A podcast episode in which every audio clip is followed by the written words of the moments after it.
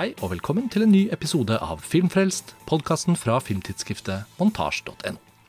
Mitt navn er Karsten Meinick, og i dag har vi gleden av å presentere et intervju med den rumenske regissøren Christian Mungiu. Christian Monjou vant som kjent Gullpalmen for filmen Fire måneder, tre uker og to dager, og har siden den gangen laget en rekke spillefilmer som har blitt vist på norske kinoer, annet Beyond the Hills og Graduation.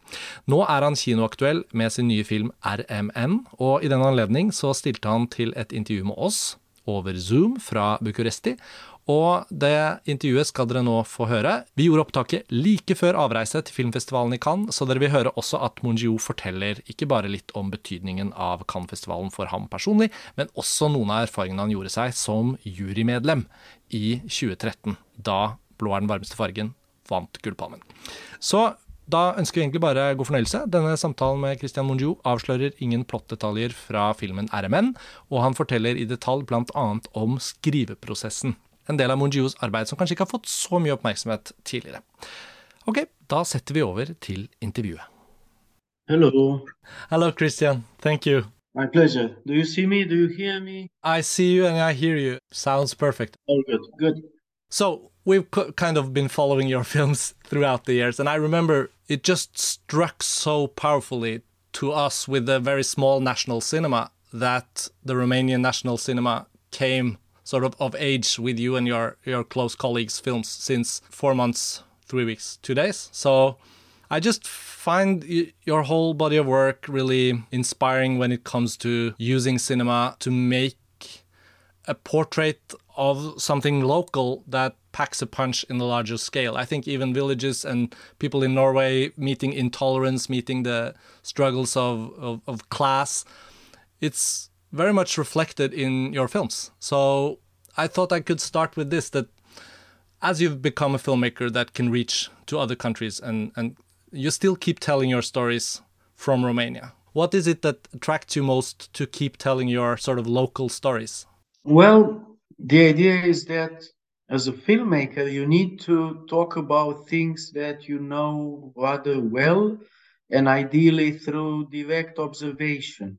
It is not that I wouldn't want to make stories for a wider audience and to benefit from, uh, I don't know, the talent and notoriety of great American actors, but I, I don't live there and I I don't know that that world world in detail.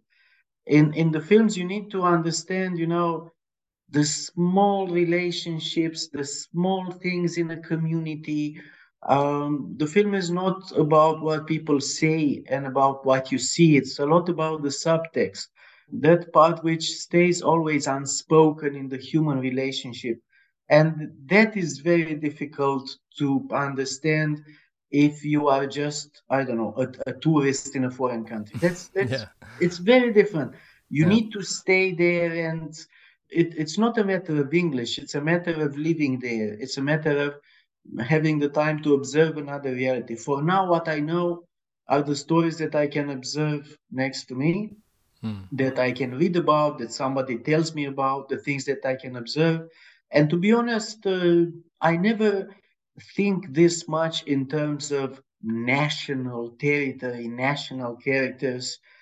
If you want, I keep making films about human nature, more or less, even even if this is vague. But finally, it's about some values, the way we see them, the way we act. It's about responsibility and decision making and freedom and the things that I consider to be important for you as a person. Mm. And this is why I'm, I'm always hoping that even if the stories are set locally, uh, somehow people will understand that the stories speak about things that could happen very well to them, maybe in a different context or in, or in a different way, but at least about something on which they should have an opinion. And I think that my greatest effort in Cannes last year, since you've seen the film in Cannes, mm. was to communicate to the journalists that I was meeting that no, unfortunately, my friends, it's not just a film about Romania and just about Romania. It's a film about all of us, and it's very uh, easy to say, okay, in your small, little, corrupt Eastern European countries, this bullshit happens, but uh, uh, it's it's not fair, you know. Um, no. And I think that this is what cinema should do. Should try to bring up things uh, about which we should have an opinion. Mm. No, I agree. And uh, uh, just from the very opening scene in RMN, I believe that uh, this notion of human nature, fear, the unknown, something unspoken also for us as an audience member. We, we are we are not only grabbed by uh, filmmaking choices, but we are grabbed by, you know, someone's destiny, a child, a man. The, the, the whole opening sort of prologue sets a really easy or frightening mood, but easy to attach to as a human. You just see other humans in a situation and you, you, you grab onto it. And the same with Matthias, the main character. Uh, or or I read him as the main character that even when he's at this workplace in the next sequence that he has this unspoken feeling. He has a reaction that's coming. It's it's boiling. But so much of our daily life i think we go around not saying everything and this is the balance in cinema i think some cinema you see they say everything but it might be entertaining but everything is explained so if we use this main character for this film, I think I think he he re resembles a lot of your characters. He quite clearly carries something, and we ad identify with that. But as long as he doesn't speak everything, we keep, you know, looking for it. And the balance between scripting out scenes like that mm -hmm. and at the same time keeping stuff hidden or unsaid so that he can become that character. Mm -hmm. How do you shape that scene as first as a written since you are a writer director and then kind of making it work in that space? I work only using these master shots and this influenced a lot the way I write yeah. because um, along the years I, I developed the personal style of writing if you want. Uh, there's no way of uh, I don't know getting into detail about things that are going to be on a, you know in in a detail somewhere. Uh, since you know already that this is going to be a, a master shot, so hmm.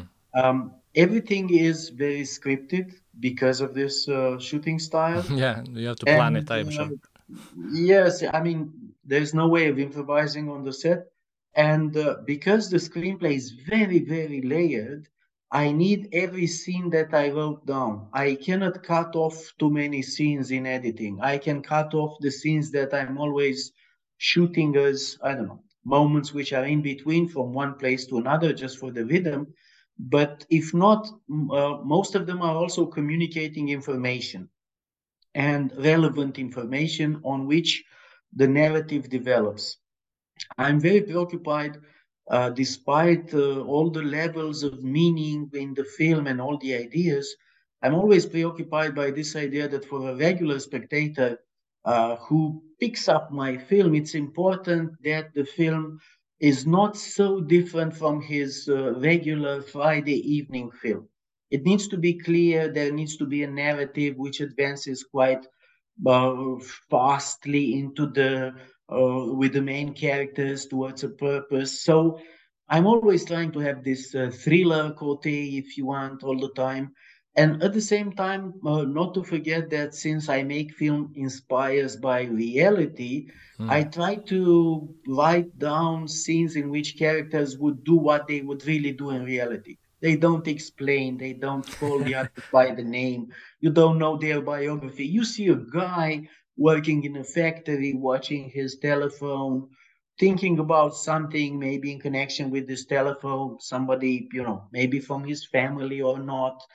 And then he gets inside and he's preoccupied, and then he gets outside and um, he needs to send an urgent message. You know, that's that's all he needs a, a moment of quiet in this factory that, if you want, looks a little bit like modern times in Chaplin. yeah, yeah.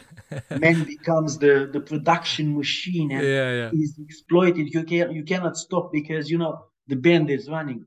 And at that moment, there's this guy talking to him a little bit strangely, uh, calling him a gypsy. And I know that this is not this is not clear for spectators I read a lot of, of, of, articles. It's never clear, depending on the country, if Matthias in the film is or is not gypsy. And, you know, I will trust my spectators that they will read. If not, they will read a little bit more and understand if he is or if he's not and why is he reacting like this. But what, what matters is that this sets a kind of an emergency. Of course, you know that once I start with him, he is, if not the main character, he is one of the main characters. Uh, there's something urgent that he needs to do. He's stopped from this. You get a sense of his personality. He's somebody with a lot of nerve and somebody reacting abruptly.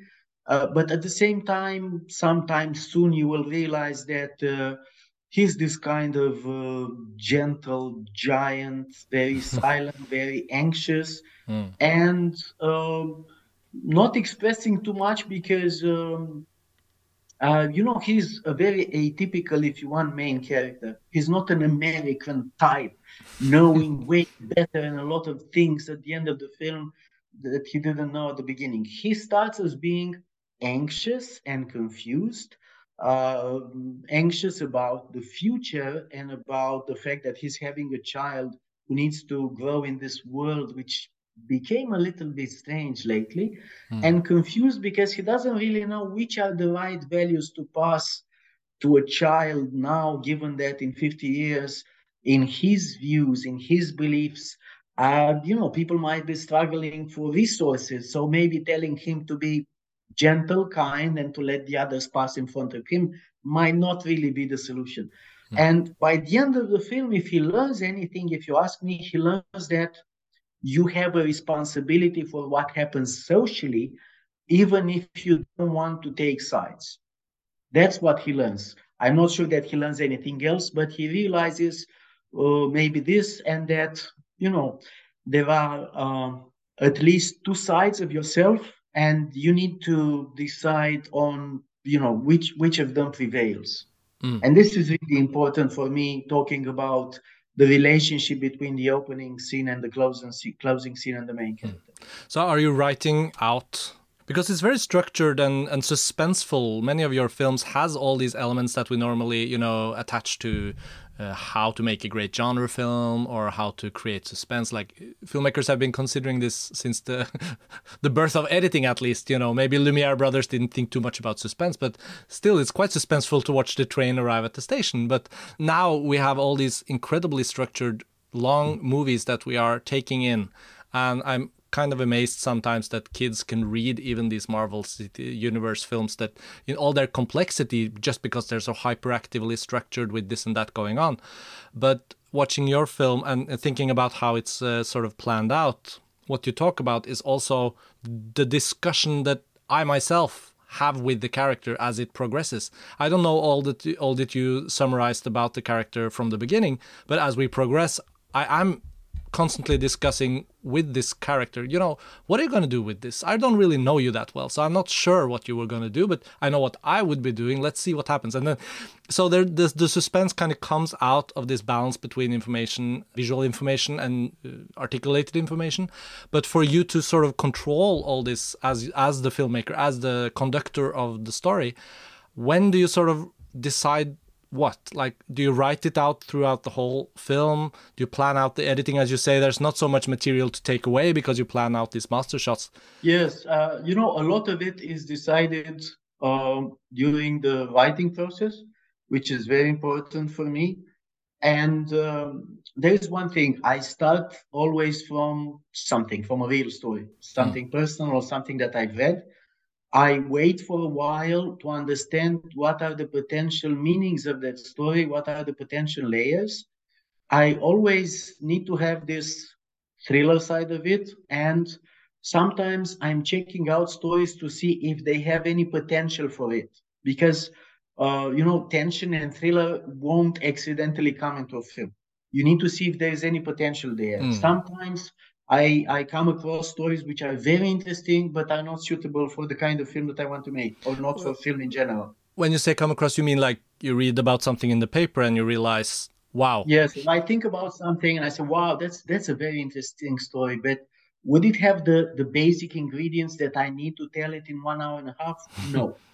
it might be told in three hours or five hours or in a book, uh, very likely not in the same medium. But in film, the, the kind of cinema that I do needs a certain kind of story. And I need short periods of time condensed communities, I cannot make biographies for now. I, you know, I need to be concentrated to very small moments. Hmm. So what I do, uh, once I decide that this might be a story that has something interesting to to, to tell, I, I write down a lot of documents, a lot of documents before I write the screenplay hmm, uh, okay. about the the advance of the narrative, the, the narrative, about the meaning of the story. What does it mean? About the motivation of the characters. What does he want? What does she want? What yeah. would he do? What would she do? What's logical? What do I want to say? How do I make that this is not coming through dialogue or this is not obvious what are the other meanings of the story? How can I reveal them visually? And once all these things are a little bit more clarified in my mind, I can start writing down. Um, first of all, you know what I write down? I write down kind of a log line.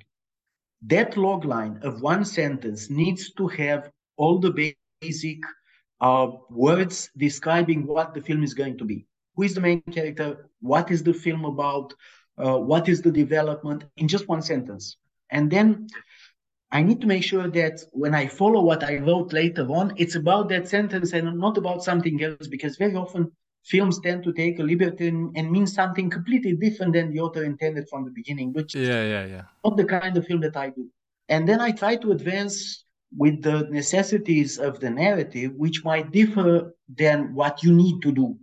But you need to to keep them both at the same time. So there's a freedom of the characters and they want to do this they need to do this you need to introduce a lot of things and this is how i come up quite you know in a period of a few weeks with the first version of the screenplay once i know precisely um, what happened every other day in this period that i'm uh, deciding that uh, it's mm. going to be enough for the story mm. so i have a document in which even for the days which are not in the screenplay, I know what each character did. Hmm. And even if it's not in the screenplay, I need to write down a biography of every character so that I know and he knows as an actor and he hmm. plays what he did from moment zero, who his parents were, what he did. It's not in the film, but it helps them a lot. And it helps me hmm. to get information from behind. And then, you know, what's difficult is to manage to write each scene keeping in mind all these different purposes because because every other scene has a lot of purposes. You introduce a new place you need to to, to see it at least three times in the film to work as a place. If it's mm. on night it's not the same place. You introduce characters. They have it's it's very important for me that every other scene follows logically the one before. So if if it's not a direct trigger there's going to be a pause in rhythm in the mind of the of the uh, viewer. So it's kind of a complicated mechanism, and yeah. this is why the screenplays, my screenplays at the end look a bit, if you want, overwritten. but that's my way of making films now. It's not better than any other way, but we're not making the films that we want to make. That we're making the films that we can make at that moment. Yeah, and I, I can just imagine that since spaces and how these masters travel in the space that you end up choosing and how it's. Uh, planned out with your cinematographer, especially? I mean, it must be somehow important for you to know some of these locations, maybe all of them, before you finalize the script. This is not possible, but I do something. Um, now I have enough freedom to look for locations, to scout for locations which are quite close to what I imagine. Hmm. And if not, I try to build them but not in a set, but to build them locally in the middle, middle of the place where I decided to shoot. Hmm. And if not, there's another period in which, right before shooting, after I found the, I scouted and I found the locations, I'm rechecking the screenplay once again to make sure that it fits those locations. Hmm. But if not, I'm pretty much looking for the thing that I imagined while writing.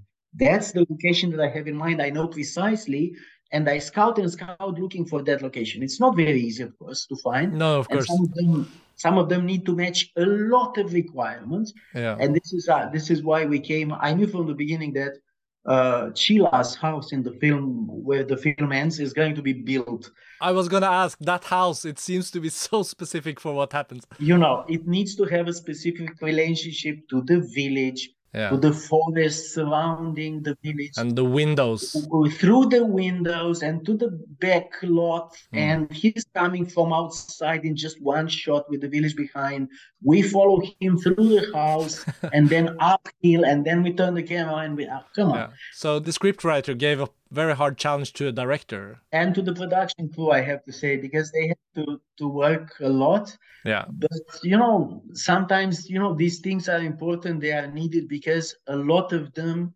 mean something for the film. And the most difficult thing for a film like this is to find i don't know those uh, visual situations which mean something outside of any words because some of the themes that the film speak about are, are very abstract and some of the values are very abstract how, how hmm. can you portray anxiety and fear and it's a bit more complicated than hmm. generosity mm. and empathy and this animalic side of people and you need to find situations that would uh, communicate to you on a different level than on the verbal level that's very important for me even if that level is not is is never fully precise but that's not that important. Mm. you don't just communicate precisely in film with words and in life. Uh, you also communicate with a lot of other senses and that's important for me in film. To make you as a spectator not only have the information that the main character has but feel like him. Uh, mm. if he's afraid you need to be afraid. You need to be a little bit in his shoes and this is why it became it becomes so complicated the, the screenplay always for me and uh, I know that uh, you know, it would be lovely to be just uh, a risky author going on the set, just improvising and following the vibe. But you know, yeah. Uh, that that's a lovely style, but um, uh, it's different. Yeah, I like watching films in which the the uh, the filmmaker records the experience that they had at a given moment. Mm. But my films are different. I want to pass on something that I have thought about. Mm. I can just I was just thinking suddenly when you talked about it, like Terrence Malick, you feel like in his best films, it's as if the camera is attached to his associations and it just travels in editing or in in uh, you know whatever digressions he has, and it becomes a very natural style to to his films. Um, but because I'm traveling to the Cannes Film Festival tomorrow, and because I know that for a small country like Norway, the distributors they go there and they find your films for example. I'm just really romantic about this idea that we come to not only cannes but different festivals to actually discover what it is to be a human in another country through uh, through the eyes of the filmmakers. And since I'm going there tomorrow, uh, and I was watching your film there last year, I just wanted to ask you, since you've been there with your films, you've even been on the jury when uh, Blue is the warmest color won with Steven Spielberg. I mean, so many different filmmakers seem to come together and find that same love.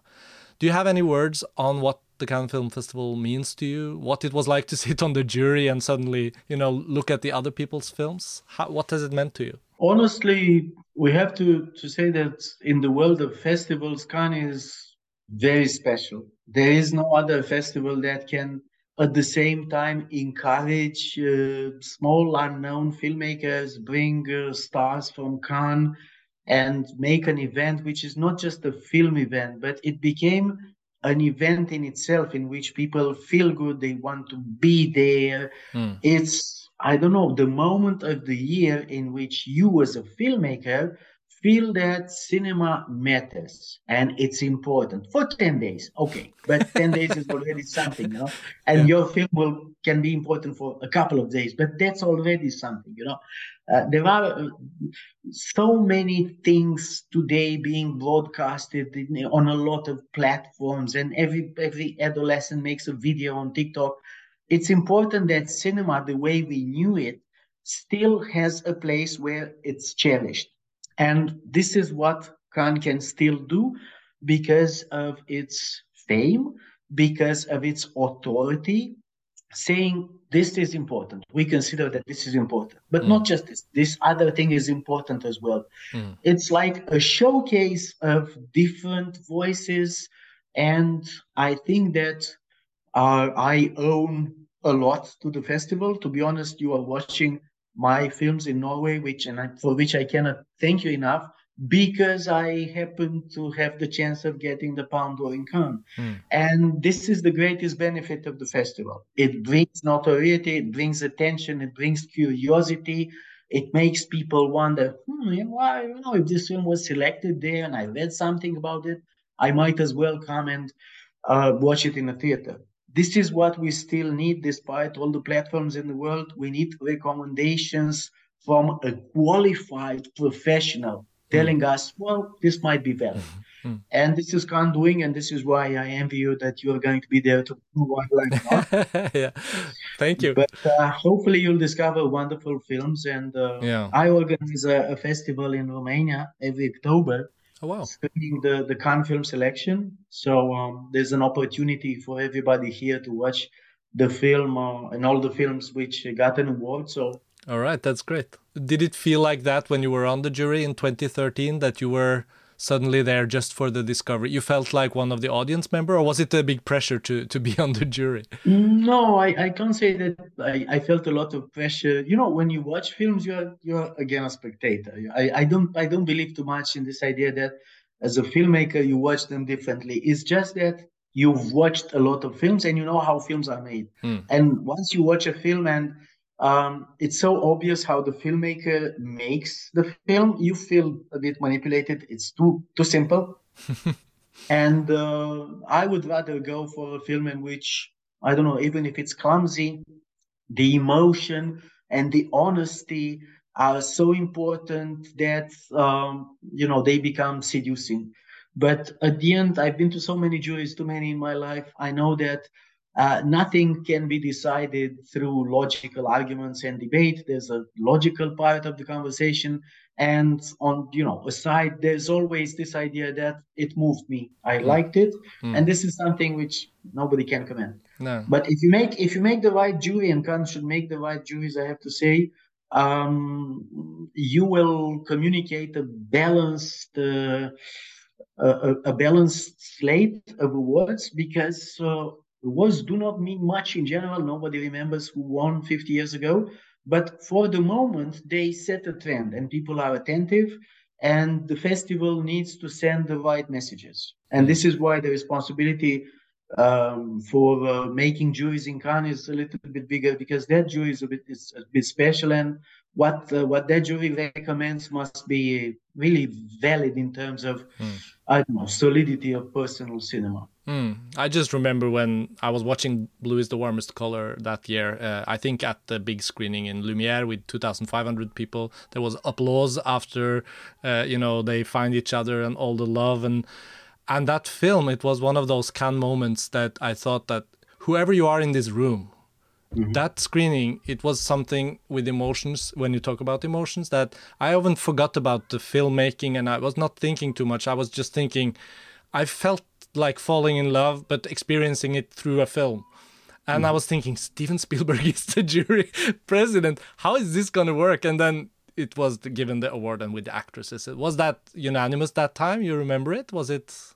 I remember it very well. Mm. Um, we had a lot of conversations every right. day, but I have to say that uh, Steven Spielberg was a great president in the mm. sense that he's a great cinephile. He knows more about films and about European films that you could imagine. Mm. And uh, he wanted to make sure that everybody expressed his own feelings every day. So by the end, um, for that final conversation, we pretty much knew from which films we are going to uh, select the final list of winners. And everybody expressed some arguments passionately. of course it wasn't so difficult to reach, uh, I don't know, a verdict, a decision. Hmm. But what was special that year is that since that film, um, I don't know, was so much based on the performances of the actresses, right.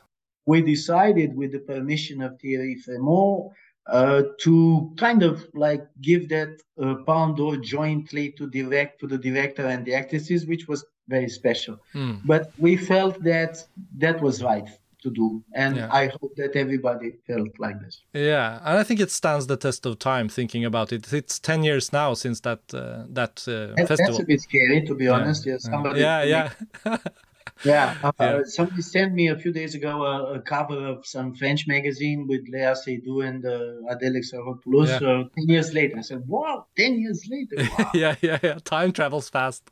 yeah, Um. I promised my colleagues to ask you also for the final question. We are always looking who's going to be having a new film ready for a Cannes Film Festival, you know, and you were last year, of course, so we have to give the filmmakers some time. So, where are you right now uh, with your next project or in your artistic life? Are you in the writing or what's going on? Um, hmm, to be honest, I'm moving to in a producing period. Oh, Uh, we're going to shoot this year a film that I wrote, but somebody else will direct. interesting. So, I, I in the best case scenario, that film might be eligible for Cannes if we finish that film on time. Uh, and besides this, there are two more projects that I'm producing, one of which I wrote, which are going to be produced next year. All right. So I was quite involved into all this, but right now I'm trying to moving on and uh, I'm documenting something. Um, and uh, I hope to be able to advance with either with that project or with a project of uh, a series that I'm having now. But for me, always uh, cinema is the priority. So, uh, Yeah. and by the end of the year, uh, there, there might be something else. I I um, I might uh, have a, a book published, Right. at least in Romania or in France. Yes, and it's a book on a personal family story uh, based on which I wrote a screenplay, but finally. A better material is the book, so I decided that I will go for the book. Interesting. So you realized this is actually more like a book than a film. Yes, Yeah. and uh, yes, uh, I mean, 90 minutes are too short. I lose a lot of details. So for now, yeah. you can take your time and read it. Yeah. If ever a very generous platform uh, is interested in the details of Yeah. life of my grandmother, you know, I need more time, like six Yeah. hours or something to do it. Well, this sounds really interesting. Many different projects going on, and um, you know, I, I didn't want to spend too much time on what's going on in Europe right now, but I do feel that the stories that are being told in cinema, when they are at its best, they can, you know, sort of teach us a lot about not only European life, but right now it. I'm expecting to see a lot of stories in Cannes that looks at what Europe is, has been, will become. So uh, I always feel like I learn a lot from your films. So I look forward to next time I get to see one of them.